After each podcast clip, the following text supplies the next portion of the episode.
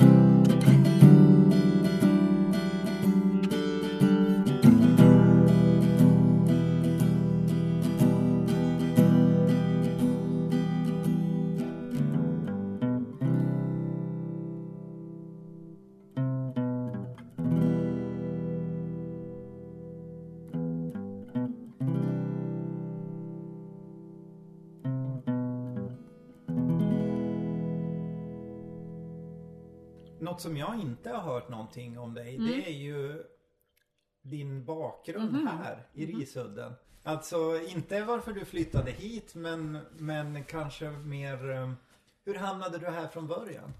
Ja, det är en bra fråga som får besvaras kort. Nej, men jag är född i Tornedalen.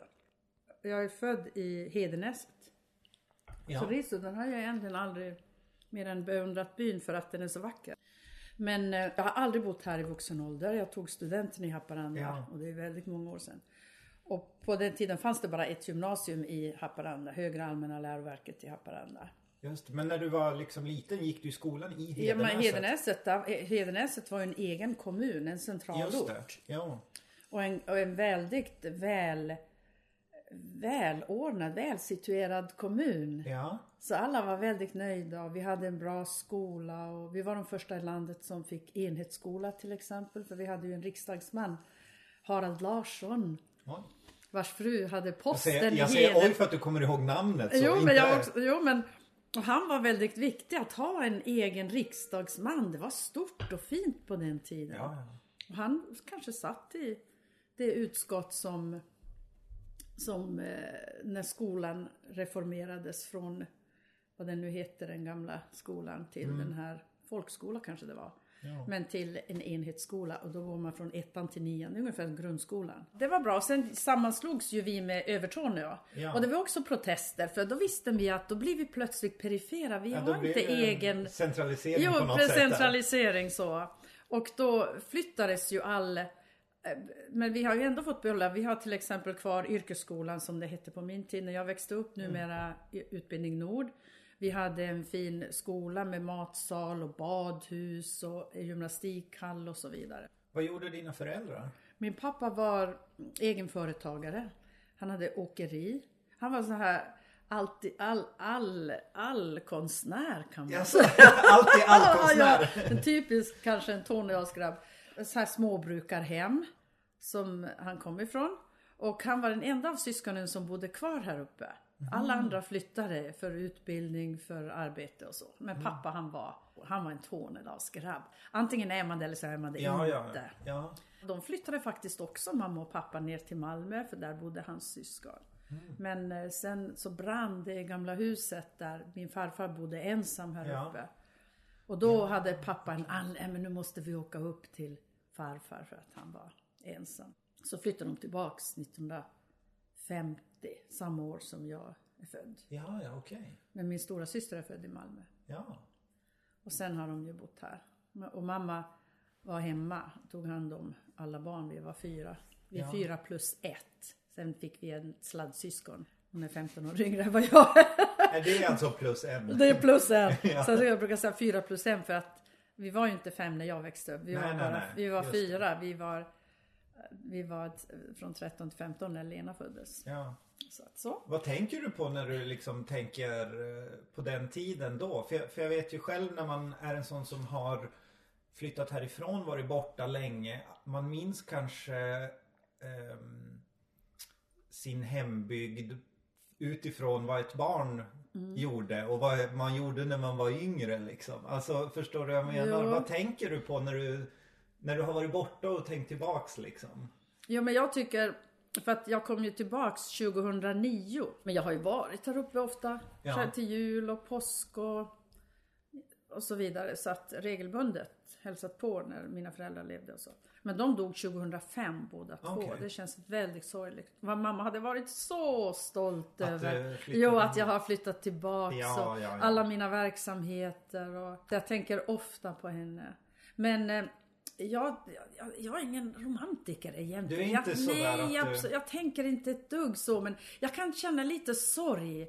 Du Ja. vet när man går förbi, till exempel när jag födde i Hedenäset alldeles vid kyrkbron på stora väg, riksväg 99. När man går ut till kyrkudden, där fanns ålderdomshemmet, det är ett blått hus idag. Där började mamma jobba när jag gick i sjätte klass. Bara det var något nytt Ja, att mamma ja, inte var hemma när vi kom från skolan. Mamma jobbade. Och sen fanns det ett skolhem.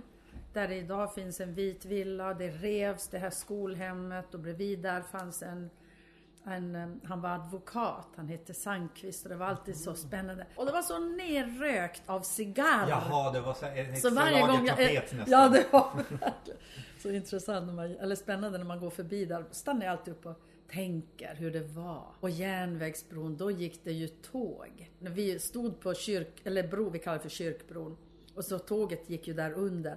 Och när lokföraren såg oss barn så tutade han. Ja, han Va? ångade, du vet såhär Ja, ånglok. vad roligt. Ja det var, ja vi tyckte det var jättespännande. Som när jag pratar med min morfar är ju, är ju såklart mycket äldre men Mm. Idag så vore det ju inte lika förvånande om man hittar till konstvärlden tänker jag och, Mm. och komma härifrån för att man har tillgång med internet och det är Mm. liksom avstånden är kortare och sådär. Men det är ändå om du kommer från då kanske lite arbetarhåll. Mm. Hur kom hur var kulturintaget? Ja, ja, okej jag förstår Från frågan. början. Hur, hur jag hamnade där. Ja. Det är en bra fråga för jag var du tycker... liksom ett sånt barn som tecknade och läste och så eller, Mm. eller hur? Jo, det kan man säga. Ja. Jag tecknade, jag tyckte om att rita, måla. Ja. Men det gör nästan alla barn. Och jag var väldigt ordningsam. Och jag läste Pippi Långstrump, jag läste alla de böckerna. Och sen i hemmet, pappa var väldigt noga med att vi läste. Och han introducerade oss i böcker till exempel. Ja. Han tyckte att nu är ni stora noga, nu ska ni läsa Vilhelm Mobergs Ja. Utvandrarna och en massa spännande böcker. Men han var läsande själv då? Han var läsande Ja. själv. Men sen, kom, sen ändrades tiderna. Det förstod man inte då, men sen när TVn kom så var TVn det centrala. Då var liksom, då satt alla bänkade mer passivt och tittade på TV. Innan så var vi alltid satt man runt, som vi sitter nu, runt matsalsbordet. Eller köket då. Och eh, hade tävlingar, vi hade såna här geografitävlingar så i familjen då. Vi var ju ganska jämn, gamla alla barnen. Ja. Och så ställde pappa såna geografifrågor Jaha. till oss och vi fick gissa huvudstaden där och han hade någon berättelse. Vi, ungefär som vart är vi på väg? Ja, ja, ja. det hade vi. Och det var jätte, det var intressant och spännande. Han var en riktigt bra berättare. Men tillbaka till din fråga med kultur. Nej, jag brukar säga det finns inte. Det är ytterst, inte, ja inte ytterst få men det är inte alla som föds med tillgång till Nej. dans, musik, Nej. teater. Film hade vi ju. Samtidigt så bodde jag granne med prästgården. Ja. Och också en, kanske en liten lestadiansk viskning i allt i örat att det var, fu- det var synd. Ah. Spela kort och kanske gå på bio. Allt som var underhållning Allt som var eller? underhållning var suspekt. Och fördärvande kanske Ja. av ungdom. Jag gillar att du får lite extra skorrande här sådär. Nej men det var... Så att, Men var det så någonting fanns- som betydde mer för dig än, än, än vad det gjorde för andra med, med det, det, de kulturintagen du hade? Eller var det något som kom sen tror Nej du? men jag tror för att, jag vet inte, sånt där tänker man ju inte. Man sitter inte och analyserar saker och ting när man är barn. Men när du ställer frågan nu så, bio, jag älskar att gå på bio. Ja. Och vi bodde alldeles nära, eh, det hette eh, Bygdegården. Ja. Och där på den, på den tiden, låter som man var antik, men jag är ju faktiskt till åren kommen. Har lite i bagaget. så att... eh, Vad hemskt jag som det är det första jag tar upp. Ja, ja, just det. Men då- ja, ja. Nej, jag tycker ålder är bara... Men nåväl. Bio. Jag älskade att gå på bio. Ja. Så det kanske också fanns ett behov för att det är en slags eh, pseudovärld. Ja. Du får tillgång till någonting annat än, än eh, hemmet och vardagen och kanske tråkiga saker och så. Men bio var ett, ett det var verkligen det, Verklighetsflykt. jo, det var. lite. Jag tycker Ja. det. Och där är ju mycket av kulturen är ju ett sätt att utveckla din tankeförmåga Mm. och se andra perspektiv på saker och ting. Både till på gott och ont. Det inte- handlar inte om att fly undan till någon slags eh, falsk skönhet Nej. eller någonting sånt. Men man, man, all kultur vidgar ju ens eget eh, intellekt på något vis. Du lär känna dig själv. Mm. Och det är viktigt att, att veta var man har sig själv. Vilket Mm. man ju egentligen aldrig riktigt vet. Och jag tycker att konsten är lika komplex som en människa. För att det finns, vi har tittat runt på min samling Mm. här. Så det finns ju inte ett svar. Eller hur? Vi tolkar det väldigt olika. Och det är det som gör det också spännande att möta nya människor, att möta konstverk eller möta konstkultur så får, börjar man att tänka så här. Och är man två eller tre som har varit på en bio eller en teaterföreställning eller på en utställning så kommer vi alla ut med olika frågor. Och det är väl intressant. Det finns inte ett svar. Vad var det för filmer du fastnade för? För jag, jag frågar för att jag tycker att det är så kul som när vi gick och tittade på din eh, konstsamling i huset här. Så pratade vi om att vissa konstnärers tidiga verk så kan man se så himla tydligt det de gör 20 år senare eller alltså 30, 40. Att man ser att de kanske har temat och sen så renodlar de en form och så här. Men man har sett, ser att de har haft samma liksom intresse eller samma värld finns där. Och jag tänker att det kanske man blir medveten under resans gång. Så där. Jag kan ju titta när jag började eh, liksom storläsa så, vill, så kände jag mig ensam och hade ångestproblematik. Och jag, när jag tittar nu så var det ju liksom inte medvetet då att jag tänkte nu ska jag få lite tröst här. Men jag kan ju se att jag valde ju sådana böcker att läsa så jag fick liksom se att mig själv i det på något sätt. Eh, Men kan du liksom se tillbaka så att du, ja men jag ville se, ville du se världen i filmen eller ville du liksom ha din egen berättelse eller var det liksom, ser du sådär, vad, vad gillade du, vad hade du för smak då?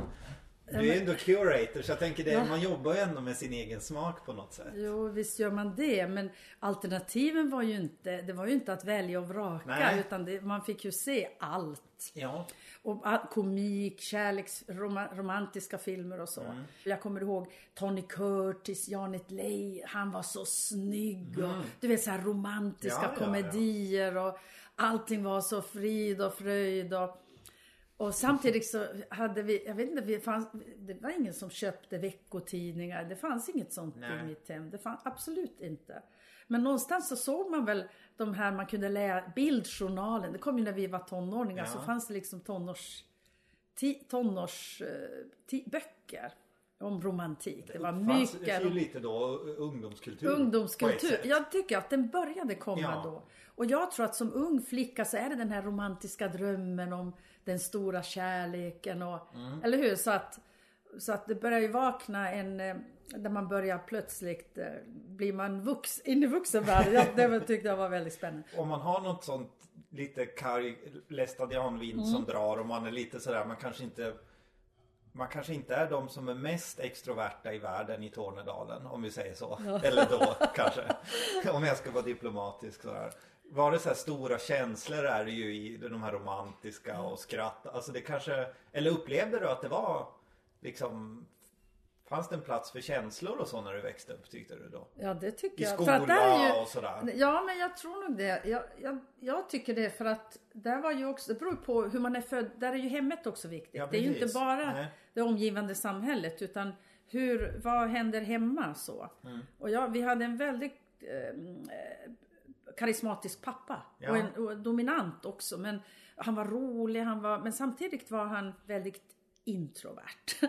samtidigt som Mm. Ja. så att det kunde ju också påverka ens uppväxt. Så det, var, samt, det var liksom högt och lågt men Ja. det var väldigt kärleksfullt. ja. Det kan jag säga.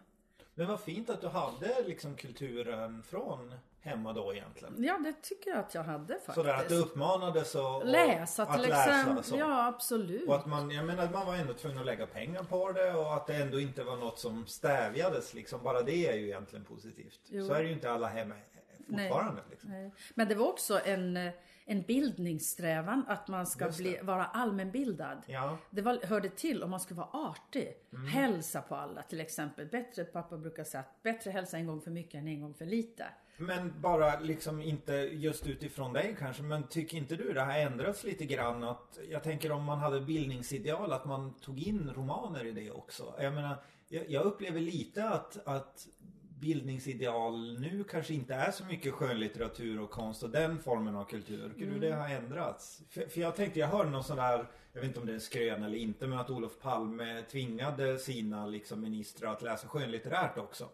Att det var liksom ett krav för att förstå liksom, människor och världen och sådär. Jag, jag, jag tror inte någon skulle göra det nu. Jag undrar det. Men där har vi ju jag tror att det är, vi är på väg mot det. Ja. Jag tror, vi har ju Lars Strannegård som är rektor på Handelshögskolan Stockholm. Han, han har ju infört en kulturell bildning i, Jaha, bland det- eleverna. det finns det alltså? Ja, absolut. Ja. Där man också med konst, litteratur, teater, musik. Allt det som man har, men framförallt konst för att han själv är väldigt intresserad. Ja. Men det vidgar ju också ens kreativa förmåga. Jo. Att det är ju liksom med hjärnan vi jobbar, vad vi än gör så måste vi ju använda vår hjärna. Vi kan inte bara vara fyrkantigt tekniska Nej. eller hålla oss till ingenjörsvetenskapen. Det har ingen framgångsrik eh, ingenjör eller vetenskapsman hållit sig bara till sitt ämne. Det är ytterst ovanligt. Det finns en väldigt fin bildning bakom. Ja. Ett intresse för, för kultur, för, för människor och så. Ja. Om jag refererar till konsthallen, det stora projektet, så märker jag ju också det att men det finns så väldigt liten insikt om vad kultur betyder för människor. Vi lever i en väldigt eh, manlig, manliga strukturer i hela vårt samhälle och speciellt här uppe i Tornedalen är det extremt om vi använder ordet macho. Men eh, många kanske inte tycker det. Eller de har inte märkt det eller så. Men det är för att det är så det, är så, det ligger som ett lock på allt vi gör så att vi är så vana att tänka, vi är så vana att det har liksom tolkningsföreträdet i alla sammanhang, eller hur? Det här manliga sättet att vara och så. Kultur har mer med kvinnliga värden att göra. Och då blir det så att kvinna, all, kulturen får inte den platsen eller det utrymmet. Det- Vi tillåter inte det. Vi tycker att äh, det är liksom, det är lite fjantigt, det är lite knaps och det är lite knäppa saker och så vidare. Och den tror att den är någonting och så vidare. Så man, och det är också en, en, det är både socialt, en samhällsfråga eller en klassfråga. Där man tycker att eh, någon är märkvärdig som ska gå på opera eller gillar Ja. poesi eller så. Den är lite annorlunda den är udda. Låt dem hållas med det. Mm. Men jag tror också att därför behöver vi ju kulturinstitutioner. Ja. Och utan biblioteken hade ju Sverige sett ut förfärligt. Men vi har i alla fall bibliotek där människor kan gå. Det är en frizon att kunna läsa, låna böcker, prata med någon som kan böcker och så. Men där, sen har vi inte, det finns inget, det finns inte platser för samtal. För kulturen är också ett sätt där vi tränar i kommunikation. Där vi tränar att prata om alla möjliga ämnen. Eller hur? För att det är väldigt viktigt att vi också Ja. kan, att vi har ett behov av att, har vi läst Haparandabladet har vi behov av att läsa vad vi har, Ja. eller prata om vad vi Ja, har läst där. Läst en bok eller precis som jag sa att när man går på teater, musik så tre personer så har man olika synsätt på vad man har sett. Där är ju konsthallen oerhört viktig som en, en, vad ska vi säga, en mötesplats, en plattform för de här samtalen helt enkelt. Och, och sen tror jag inte man behöver liksom göra det så märkvärdigt så. Det är bara folk kommer att upptäcka att de finns där. Och det är ju långsiktigt så upptäcker man att samhället kommer att förändras genom att vi har möjligheten att föra de här viktiga samtalen. Det utvecklar samhället. Men, för jag tänker att det finns en koppling till kvinnliga jobb på det sättet också som det du säger att man, man, man tycker inte att det är, är någonting viktigt på det sättet som att man säger ju ofta att om en kvinna de jobb, de arbetsuppgifter kvinnor har utfört i hemmen har ju inte ansetts vara jobb ens. Eh, utan det är ju bara någonting som görs. Och sen har mannen jobbat. Alltså i hur man pratar med språket. Och lite så är det ju kulturen också att det är ju inget riktigt jobb kanske att vara poet eller eh, mm. Eller att göra en eh, performance liksom. Sådär. Att det går ju i, i hur man pratar om det sådär. Och, vilket leder ju till att det kan ju inte värderas. För det, det värderas ju inte i ekonomin heller. På det Nej, sättet för konstnärer. All, allting går ju faktiskt att mäta i ekonomiska ja, termer, ja. även kultur. Men som du säger, vi gör inte det. Men det är ju samma med besöksnäringen. För jag jobbar ju, Art Hotel är ju en del av besöksnäringen också som är ett affärsområde eller ett samhällsekonomiskt, samhällsekonomiskt område som växer enormt fort och mm. som skapar oerhört många arbeten. Det räknas också som en hobby man alltid exkluderar när man talar om näringslivet och så vidare. Och så säger man, ja så har vi kultur och så har vi besöksnäring. Men varför inte bara använda dem som ja. självklara komponenter även i, i, det, i, det, totala näringslivet. Vi behöver inte tala om dem i ja. specifika termer. Men kultur är ju väldigt eh, vad ska vi säga, styvmoderligt behandlat i alla områden. Egentligen är det konstigt för det är ju egentligen två näringar som, som är globala på det sättet. Det är ju det är väldigt få andra företag som kan marknadsföra sig globalt egentligen om man tänker om du producerar en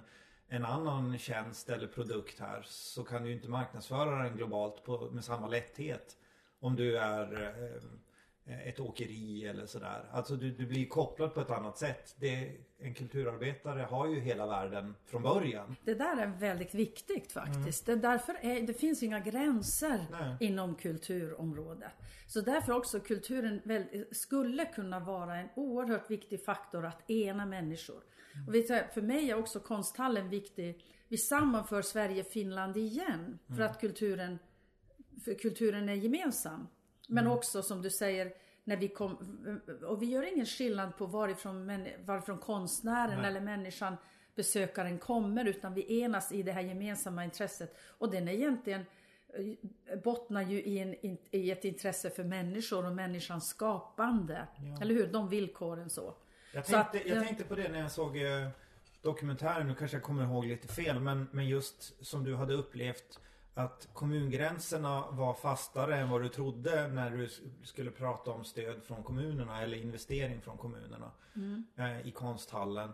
Och jag tänker också på, på hur man fortfarande eh, att landsgränsen här, jag läste det var väl bara förra veckan det var någon som eh, eh det, det stod i tidningen att det var problem med att Skatteverket ger olika svar för de som jobbar på ena sidan och bor på andra sidan gränsen. Mm. Och att det gör det krångligt för folk. Att, att man på något sätt de här gränserna som finns eh, formellt är ju inget man upplever här på det sättet. Man pratar språk på båda sidorna. Man bor på ena, man jobbar på andra och, och kommunerna är liksom, ja men att man pratar om Tornedalen, det är så man lever. Men sen så har man ritat till eh, gränser som det är konstigt att man behöver förhålla sig till egentligen. För ingen lever ju på det sättet. Nej, Riktigt. Men, nej och det där är ju förödande för hela världen. Jo. Alla våra, det är ju administrativa gränser och de ja. kanske är nödvändiga av tekniska, ekonomiska, nat, inte av nationella skäl, men av tekniska, politiska skäl så har vi de här gränserna som förhindrar samarbete. Men jag tycker det förvånade mig. Jag trodde nog med att Tornedalen samarbetade mycket mer. Vi har bara tre kommuner, Haparanda, mm. Övertorneå och Pajala. Jag tycker tillräckligt, man samarbetar redan nu med olika olika tjänstemän och så. Mm. För att det är varumärket är ju Tornedalen, det är inte Övertorneå, Haparanda, Pajala. De har inte ens hört talas om när man pratar med någon annan. Men man säger Nej. Tornedalen så vet man. Och där är, tänker jag mig, tänk vad fantastiskt det vore om vi hade en, en, ett enda en enda kulturchef, en ansvarig för kulturfrågor i hela Tornedalen. Och så att man samarbetar kring en policy, ett dokument, mm. samarbetar med allting. Jaha, Haparanda gör det, Övertorneå så turas man om och ser, ser till helheten och jobbar med de saker som man är bra på. Eller har man en institution, ja då kan ni göra det mm. och en annan gör det och så. Man skulle kunna samarbeta mycket mer, även inom kultur och fritid för de är liksom mm. onödiga. de är inte ens lagligt, lag, eller man behöver inte enligt lag nej. ägna sig åt det politiskt eller nej, kommunalt. Nej, så att det är ju frivilligt att ja. ha en kultursektor. När du, ehm, döpte konsthallen som du gjorde till eh, att du, du, tog med Tornedalen i namnet. Var det självklart direkt eller tänkte du på andra sätt innan du kom på det? För jag menar det är väldigt symboliskt att du valde inte ditt namn till exempel. Det är många som gör det som startar. Eller att man har något reklambyrå som tar fram eller Övertorneå eller något. Men att du valde just Tornedalen. Hade du det klart från början eller var ja. det en lång process? Nej, den var inte lång. Men det kanske tog 20 eh, sekunder. Va? ja, absolut. För att, då, för att det, det, är så många konsthallar som kallar sig Bonniers konsthall. Mm, mm. Det är eh, Vannos, efter Vannos gods och, ja. och, och, så vidare och så vidare. Millesgården. Ja. All, det, är efter, det är efter personer. Men jag kände att nej, det hade varit så viktigt, inte jag. Det är inte mig det handlar om. Jag såg direkt att det är Tornedalen, konsthall Tornedalen. Mm. Klockrent. Det är klart, det är en konsthall i Tornedalen. Jag hade hoppats du skulle säga jag hade en massa dåliga idéer så man får känna sig lite sådär. Att det är så ouppnåeligt att du kommer på det direkt. Nej, nej, att du bara, jag tänkte att du skulle heta något ordvitsigt och nej. något pinsamt. Eller, men du har inga sådana? Nej, jag kan inte ens minnas det. Nej, nej. det hade jag inte utan Tornedalens konsthall. Konsthall Tornedalen ligger ju väldigt bra i mun också. Ja, ja, eller hur? Och sen bestämde jag också att den ska inte översättas. Det heter konsthall Tornedalen oavsett var i världen du är. Japan, mm, Paris mm. eller Hamburg. Eller du är i Buenos Aires så heter det konsthall Tornedalen och folk får ju ta reda på vad det är.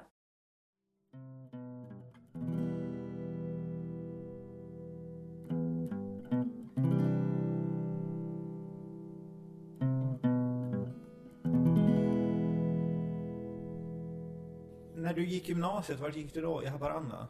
Haparanda. Eh, man, det fanns bara ett gymnasium. Men hade man någon form av kulturell inriktning man kunde mygla till sig på något sätt? Eller fanns det inte alls att man kunde påverka det i den riktningen där? Alltså hur, när kom du egentligen på att du ville göra ett, eh, ett jobb av kulturintresset. Oj, oj, oj, men det var intressant med gymnasiet. Där hade vi en bra eh, bildlärare ja. och vi hade en bra musiklärare. Ja, okay. Och eh, min gamla klasskamrat Elisabeth Lax, hon, kom, hon blev operasångerska tack vare Malin som var en fantastisk musiklärare. Aha. Och Elisabeth och jag flyttade upp samtidigt 2009, oberoende av varandra. Jag visste inte det. Oj. Elisabeth kom till, till regionen som kulturchef i Norrbotten. Och eh, och jag kom till Tornedalen med min idé om att bygga en konsthall. Så vi kom ju från, jag kom från konstsektorn och Elisabeth kom från opera och musikvärlden.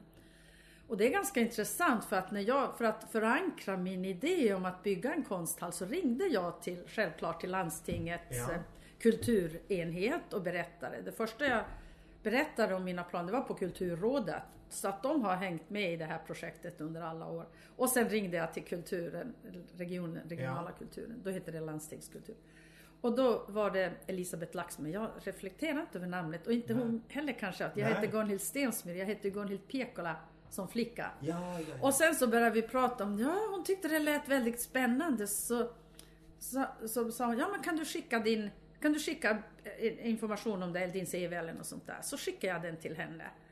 Och då, wow, hon ringde tillbaks direkt och förstod då att det här ja, är ju ja. en professionell människa. Det är inte någon amatör som kommer och vill bygga någonting. Så hon fattar ju direkt att det är på riktigt. Ja. Och sen så när vi började prata så visade det sig att ja, men vi tog ju studenten samtidigt i Haparanda. Så det är ganska kul. Men så de två lärarna ändå påverkade Ja, mycket. mycket. Ja. Kanske inte Malin, musik var väl inte min grej, men Nej. däremot bild, bildläraren. Så ja. att jag gick extra bild ja, och gjorde skulptur. Jag var urusel på det, men jag tyckte om att göra det. Och sen gick jag halvklassisk, jag läste latin. Så att det var liksom, och historia var mitt favoritämne och så. Men Nej, eh, det här med, jag har aldrig varit bekymrad över vad jag ska bli. Nej, du har Nej, inte. för Men vad tänkte du? Vad, alltså, jag menar, man får ju frågan förr eller senare när man är yngre vad, vad man ska göra. Alltså, det fanns inga krafter i hemmet som ville att du skulle in på någon speciell bana? Nej, eller nej absolut inte. Oro för vad ska det bli med Gunhild? Nej, eller? vet du vad? Tvärtom. Det var, det var det, det, det, primära, det vi fostrades till, det var bildning. Ja, att läsa ja. är aldrig bortkastat. Okay. Men det handlar inte om att bli någon, du blir läkare eller Nej. jurist.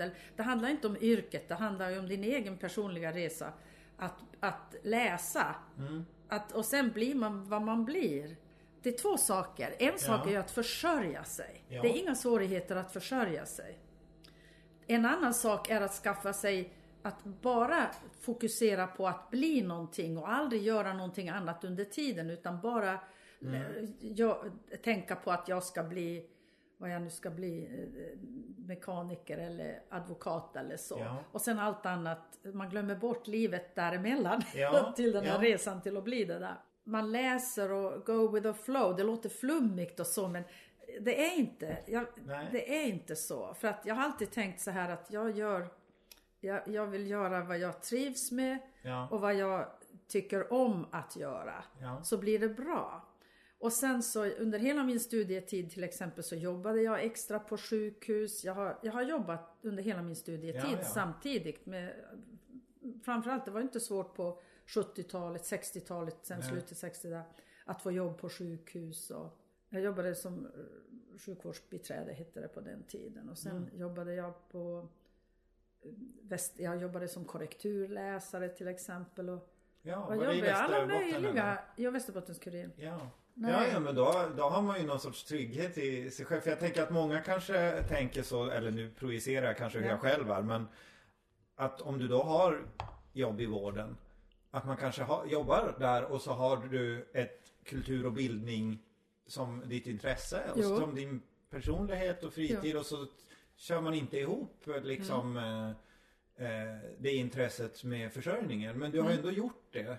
Och, och när kom, alltså hur, hur gick det steget till? Det är När jag, fick, tycker- ja, när jag började jobba. Ja. Jo men det, det är också intressant kanske för att ta en konstnär till exempel. Då väljer man, då är driften att vara, jobba som konstnär, vara som konstnär men också att förkovra sig det, utbilda sig till det. Den är ju mycket större än att ha bara som mål att ha ett 8 till 5 jobb och tjäna en massa pengar. Mm. Eller hur? Det kan vad, vad är valet då? Villa, Volvo, vovve som man säger. Ja. Om man struntar i det och tänker att ja, det kanske är att man jobbar utifrån sig själv mer. Men alla kulturyrken är ju, man kan inte säga att man, jag ska bli konstnär. Det är någonting man är. Man är det och det är ungefär kanske som en präst, en gammaldags präst. Eh, Att det är liksom också, det, man säger det är ett kall. Det är ju så, det är en drivkraft att få Ja. arbeta med människor och känna att religionen och tron betyder så mycket så att det här vill jag förmedla till andra människor också. Men jag vet inte om det yrket, alla yrken har ju sin roll. Förr i världen var ju också läraryrket ett sånt yrke där man verkligen hade som en mission och passion var samma sak att jobba med barnen och lära att arbeta med bildning. Men jag, jag fortsatte att läsa. Jag- Jag ägnade mig åt de, de intressen jag hade. Historia. Och, eh, och sen konst kom också, konstvetenskap. Det var eh, ja, det är en lång historia. Men jag läste arkeologi, etnologi och konstvetenskap. För det var museiämnen. Ja. Helt enkelt. För att Okej. kunna jobba i framtiden på, eller musei, ett museiyrke. Men Ja. jag tänkte inte på yrke eller så. Men jag tycker inte heller att när man går på universitet, det är ju ingen yrkesskola. Ja, För bild- många är det ju det. Ja, ja men ja, för mig var det inte Nej. så då. Idag är det kanske så att det är att, jo många slutar ju. Du man skulle bli advokat Jo, eller jo, då måste man- läkare jo, jo, det är klart. Alltså, Men för nu tänker jag så humanistiskt, Ja, ja. det att man läser. Jo, jo, det är klart att det är. Men, men det, är ingen, det är fortfarande ingen yrkesskola. nej, nej, nej. För även om du blir jurist så kanske du i, i, när du är klar jobbar med någonting helt annat. Jo, men man kanske tänker vad ska jag ha det här till? Att det är ändå en ingång. Alltså inte att man bara tänker ja, jag ska tjäna pengar. Men man tänker vad, vad ska jag läsa? Vad ska jag ha det jag läser till sen? Mm. Att man tänker i mål eller sådär. Men då tänkte ju du mer då bildningen för Mm. som ett egenvärde eller så. Inte bara, men nu, jag vet att alltid på somrarna så bodde vi i Skånes Värsjö, Göran min man. Så Mm. vi, hans släkt, hela släkten kommer därifrån, så att där bodde vi. Men ni På träffades somrarna- tidigt då? Vi alltså? träffades jo, tidigt, det gjorde vi, 70-tal. Ja. Och eh, då kommer jag ihåg att då läste jag på kulturarbetarlinjen efter min filkand. Vi flyttade från, från Lund till Umeå för att jag fortsatte att studera. Och Göran hade ju ett arbete, han jobbade ju, han var färgkemist och jobbade som försäljare för, inom eh, industriförsäljning. Han var specialist på ytbehandling av trä utvändigt. Jaha. Så han reste väldigt mycket. Och jag läste. Och Marcus var ju liten då, så det var ju inte, det var en bra kombination att studera och ha ett litet barn. Så han var ju alltid med mig. Han fick gå på undervisning, han var på universitetet. Jaha. Han säger ju det i filmen Ja. också, att jag hängde med mamma. Vad roligt att han också är eh, forskare nu. Jo, att jo, han men har liksom precis. Han har liksom vuxit Ja. upp med det Ja, där. men det- jag tänker att det är ändå kul att se sånt där. För Ja. när man, jag menar, det, det kan ju Ja. inte vara en slump att, att det blir Nej, så heller. jag tror inte heller utan det, det finns det i, en, i, en, i ens vardag så, så att det här med Om man ser att det studier- värderas också tänker Jo, jag. Att det är precis. viktigt. Precis som Jo. att du det har ändå värderats hemma att, eh, Jo. att, att, att studera. att studera. Jo, ja. det är viktigt. Jag tycker att det är väldigt viktigt. ja, men då gick du Nej men då gick jag, kulturarbetarlinjen. det kommer jag ihåg på somrarna där i Skånes Värsjö då Görans fastrar och faster och farbror och så vidare. Så fick jag alltid höra så här, ja vad blir man när man, de, det var typ så här, alla skulle vara ingenjörer i Ja. den familjen. Men jag var ju helt tvärtom. Ja. Och, och så, så varenda sommar fick jag försvara min utbildning. Varför jag läste det här. Vad får man för jobb och det man får väl inga jobb och så att, ja men vi, då började, då tänkte jag, då, för att kulturarbetarlinjen var en, vad kunde man bli när man gick den? Jo Ja. för att jag, ut, jag fortsatte inom kultur, var, där var det mer kulturadministration. Det fanns ju jobb som kultursekreterare, bibliotekarie, kulturchefer, museichefer. Och jag räknade upp alla de här jobben. Ja men eh, det är så få jobb och de Ja. är polit... Det var så mycket okunnighet också om alla de här kulturtjänsten, eller kulturjobben som finns. Ja. Så jag var så trött på det där att försvara det hela tiden. Men det satte sig ingenting i oro eller sådär? Nej, inte ett Jag var ju så förvissad. Jag visste väl Men att jag får jobb. självförtroendet Jag ifrån? säger det. Men jag tror att, jo, jag, jag, jag tänker också ofta på det. Hur kan man vara så kaxig? Jag inte, Men Alltså det är ju en Ja, bra men egenskap men alltså man, Ja. det är ju lätt när omgivningen är sådär att lite, även om man försvarar, man kanske ändå tar åt sig någonting jo, man kan, sådär, lite oro. självkänslan, självkänslan, men självförtroendet Det hade är grundmurat. Jag tror att det kommer ju hemifrån. Ja. Att, att bygga upp ett självförtroende. Ja, ja. Men det är också så att det är ingen som har daltat med mig, tagit hand om mig. Ja. All, vi har alltid fått göra det själv. det Ja, är ingen ja. som har talat om för oss. Gör si, gör så. Ni måste gå dit, du måste gå dit, ta på dig de vantarna. Det fanns vissa regler. Och de, det var liksom att, att vi fick inte vi fick inte gå och dansa förrän vi var vuxna, för att man var 16 år. Man fick inte röka. Jag smygrökte ju ändå.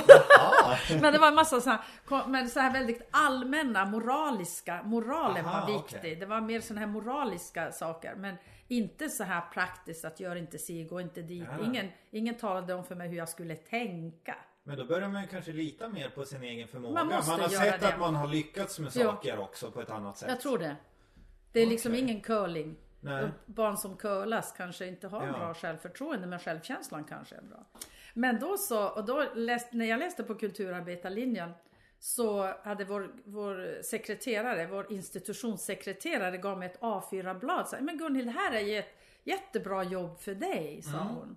Och då var det som guide och, eh, vad ska vi säga, inte intendent hette det inte då. Det var eh, någon slags värdinna till Bildmuseet som byggdes i Umeå. Det blev klart 1981. Men man hade ingen plan för vad den skulle innehålla, vad man skulle göra. Men det fanns ju, det ju, hade fått stor publicitet medan den byggdes. Så det var ett stort tryck på att komma dit. Så många människor ville, och då behövde de någon som var guide och värd och tog hand om alla, alla som kom och ville se Bildmuseet, se konsten där och så. Så att där började, där fick jag det jobbet. Och då var det också, jag kom överens med min familj, det innebär jobb mest på helger, bara fredag, lördag, söndag, hela sommaren. Det här började väl kanske i april och hela sommaren. Då var jag och pratade med Marcus och eh, Marcus var väl då eh, Ja, vad var? Sex år? Han hade inte börjat skolan men han var ju ändå i familjerådet Ja, ja, okej. nu och, och, Mark och Göran. Att nu kommer jag vara låst varenda helg. Ja. Nej men det, det var liksom, de stöttade mig där så det är klart. Och sen visste jag ju att här behövs ju, jag hade ju bra utbildning. Jag hade ju redan en filkand och jag Ja. hade ytterligare den här kulturadministrativa utbildningen från, från kulturarbetarlinjen. Men Det att ändå ha en partner som inte är från den liksom eh, branschen, eh, kulturvärlden alls. Men ändå ha förståelse. Det, Jo men han var, han var egentligen en humanist och han, Jaha, det han var så. oerhört det kulturintresserad. låter ju tekniskt annars. Ja det men det var gjorde. familjens önskan du vet om att han ska bli, han borde ha blivit ja, Men det väl lite det jag fiskade efter. Att det är ju många kanske som har det där intresset men så väljer man någonting som är mer då handfast. Jo, att visst, är jag kan sant. få jobb sådär. Jo, man väljer av praktiska skäl, Ja. inte av vad man verkligen Ja. vill göra. Och så tar man något som är lite nära sådär Jo, att visst. det är ändå färg. Jo, jo, men det, det var, Göran var ett bra exempel på det. Ja, ja. Så ofta tänkte jag att nej, Göran älskade att läsa. Han läste precis, han läste allt. Det var verkligen, han, eh, han fanns inte en minut utan att han hade en bok i knät. Ja. Marcus är precis likadan. Och det var Göran som introducerade mig i samtidskonsten till exempel. När vi träffades i Lund, då Mm. läste jag konstvetenskap. Och, då var, och hans båda föräldrar hade gått i målarskola.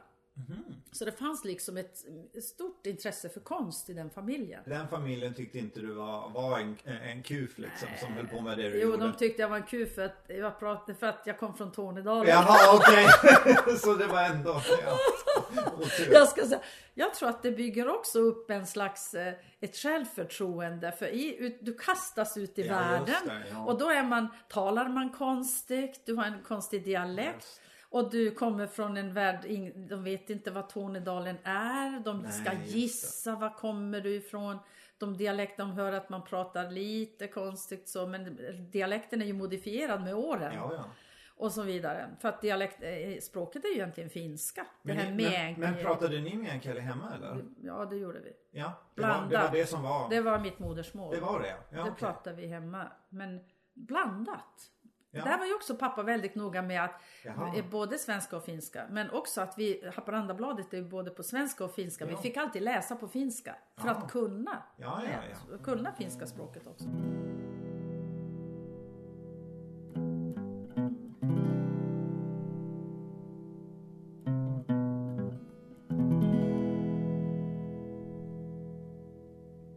Vi växer mer av motstånd än att jag säger det hela tiden. Om vi hela tiden går i sam... Det är aldrig någon som ifrågasätter. Det händer aldrig någonting i vårt liv. Allting går liksom i en enda jämn bana. Just Och allt annat som händer utanför gör vi så här. Vi håller liksom, vi har bara ett fyrkantigt seende. Det utvecklas inte. Samhället utvecklas inte och samhället är ju människorna, vi som bor här.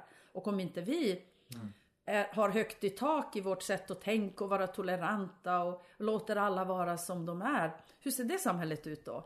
Är Därför som- behövs, därför Men- behövs Men är konsten. det något som har vuxit fram hos dig? Att du har, ser det på det sättet? Det är nästan någon form av pedagogiskt att du har liksom ett... Eh, jag tänker om du som har läst konstvetenskap så konst har ju inte alltid... Det har ju funnits dekorativa syften och det har ju funnits, eh, ja men eh, förstärka makt, porträtt och så vidare i konsthistorien. Men du pratar ju om att det ändå är sammankopplat väldigt mycket med eh, Tycker du att konst ska ändå ha någon form av eh, mål alltså mer än på det sättet? När du pratar om att det kanske ska öka tolerans eller väcka tankar eller känslor då har du ju ändå lämnat en konstsyn som finns med, med det dekorativa och... För mig ska konsten ha något viktigt att säga. Ja. Du måste ha, det måste finnas någon mening i det. Mm. det. Annars är det ju inte intressant. Men sen använder du tekniken, det för att förhöja det här, din berättelse. Som Mm. författare eller som musiker eller, eller som bildkonstnär. Man arbetar med väldigt komplexa ämnen. Men det är det jag tänker bara att det finns ju en jättestor krock där för att det är ju väldigt många kulturformer, klassiska kulturformer som har en inbyggd eh, tidsaspekt som, som kanske bild och skulpturkonst inte riktigt har. Jag menar om du köper en bok så kommer du inte bara ägna en sekund åt den och ge den en en sekunds chans. Men det kan du faktiskt göra med ett väldigt komplext konstnärskap. Kan du ju lägga en sekund på att gå vidare. Och tro att du har Och tro att du har tagit del av det. För att det finns ju inte det här inbyggda eller som i en film. Alltså om du slår igång en film även om det är Ja men framförallt på bio men även hemma. Du slår ju inte igång den och så första scenen så stänger du av och säger att "Ja, men den, den här var inte bra. Eh, det, det är ju inte ett vanligt beteende men jag tänker på en, alla som har varit i en utställningsmiljö och det, det gör man ju själv ibland också. att Det går ju att gå förbi ett helt eh, konstnärskap, ett helt rum och bara snegla in och nej det där var inget för mig. Alltså det, det, det är väl kanske där det blir ett glapp som gör att man tänker att jag har tagit del av det och inte förstått och det blir elitistiskt.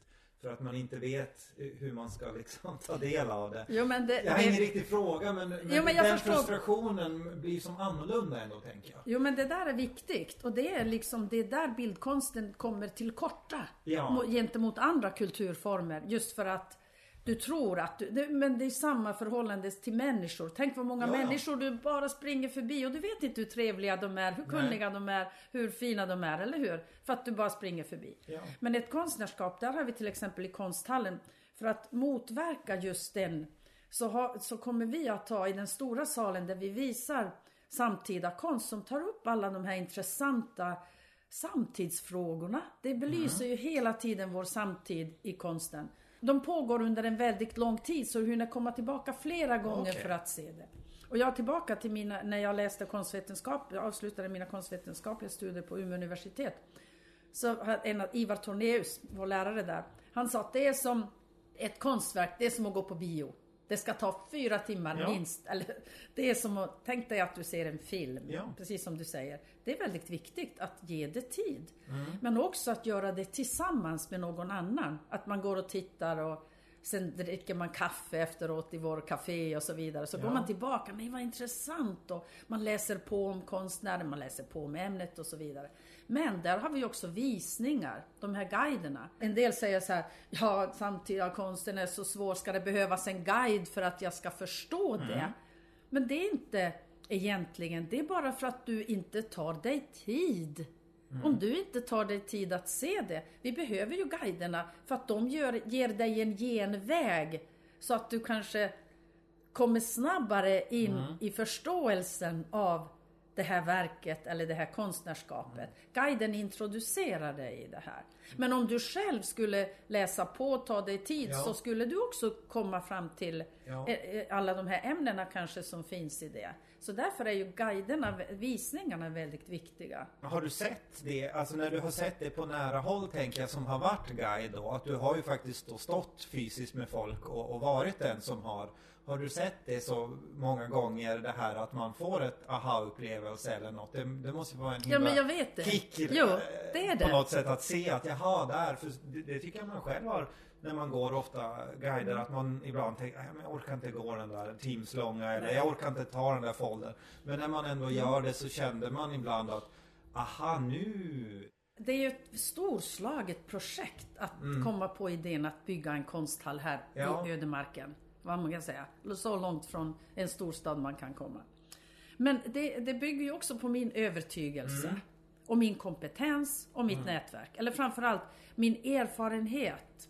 För att jag vet så mycket den kommer att betyda för människorna. Och därför är det ju väldigt svårt att övertala och det är inte så lätt att finansiera ett projekt på nästan 60 miljoner. Nej det är inte, Och- eller inte så lätt som man kan tro. Som jag trodde. Men alltså hur kunde du tro det? Jag menar bara efter du hade varit, du sa på Norrtälje att du förväntade dig att ja men då, då, då kommer de säga här, välkommen och så här har vi tänkt och de här målen har vi.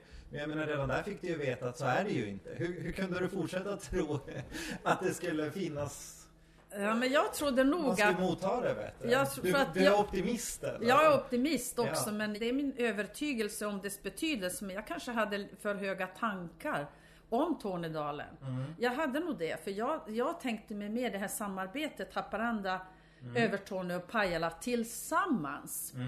Är, är, äger konsthallen. Det är därför det liksom har tagit tid också för att jag la ner mycket arbete och min, den, att man har sin första modell klar. Att det är självklart, det här är ju en, en konstinstitution som gynnar allmänheten. Det är ingen privatperson. Jag såg det aldrig som min egen, det är inte Nej. mitt. Det är inte min. Den är ju till för människorna i Tornedalen och som kan växa och utvecklas tack vare konsthallen.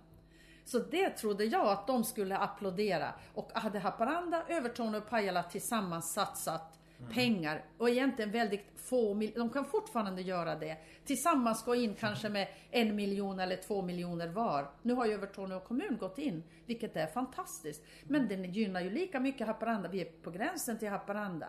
Men, de, men Haparandaborna kommer ju älska det här, åka hit lika mycket. Och även Pajalaborna. Det var det som gjorde också att jag kunde inte föreställa mig att man inte tycker att idén är bra. Dessutom behöver man inte jobba. Jag har ju gjort jobbet. Jag har ju gjort allting. Det är Ja. bara, det är väl väldigt enkelt att säga att här har du en miljon, här har du en miljon.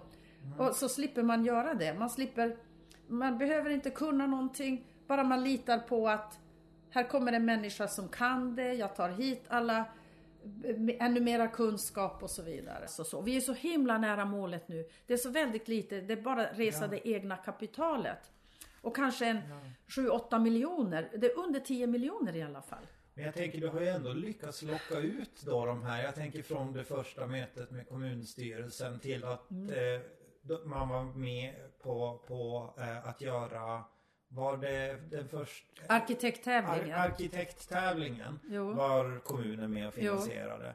Och nu så kommer kommunen har du fått dem då till att gå in med 4 miljoner i pengar och Plus infrastruktur. plus infrastruktur för samma summa i stort sett då. Du har ju verkligen börjat då i motvind som du upplever det och så sen kommit dit. Alltså det får man ju ändå ge båda lite cred för att det, har, att det har gått, man har vänt. Men vad, vad har du gjort som har gjort att det har vänt? då? Men jag tror att det är uthålligheten. Jag, Ja. jag vet inte, jag kan inte svara på politiskt så. Men jag tror också att både besöksnäringen växer, där Ja. kulturen är väldigt viktig. Och Övertorneå kommun har väl hittat sin roll i världen. Mm. Hittat sin roll att vad, vad är våra styrkor? Vad, hur ska vi gå vidare? Vad Mm. ska vi vad ska vi ägna oss åt? Jag brukar säga att Haparanda har ju sin IKEA och handel, Mm. Pajala har sin gruva och Övertorneå har ju en fantastisk förmån av att ha många fina små industrier, utbildning, vi har Utbildning Nord, vi har Nordkalottbiblioteket, vi har Folk, Tornedalens folkhögskola och vi har bra skolor och så vidare. Så vi, vi bygger ju, har en otroligt fin grund att bygga vidare på. Och besöksnäringen Ja. som växer. Men också att bygga ut kulturen. Där är ju konsthallen outstanding. Det är ju att få en, en vinna högsta vinsten på någonting. Att få den här konsthallen också. Som är värd pengarna. Och det är ju inte kommunen är ju inte ansvarig för den. Kommunen är inte ansvarig för ekonomin eller driften eller någonting.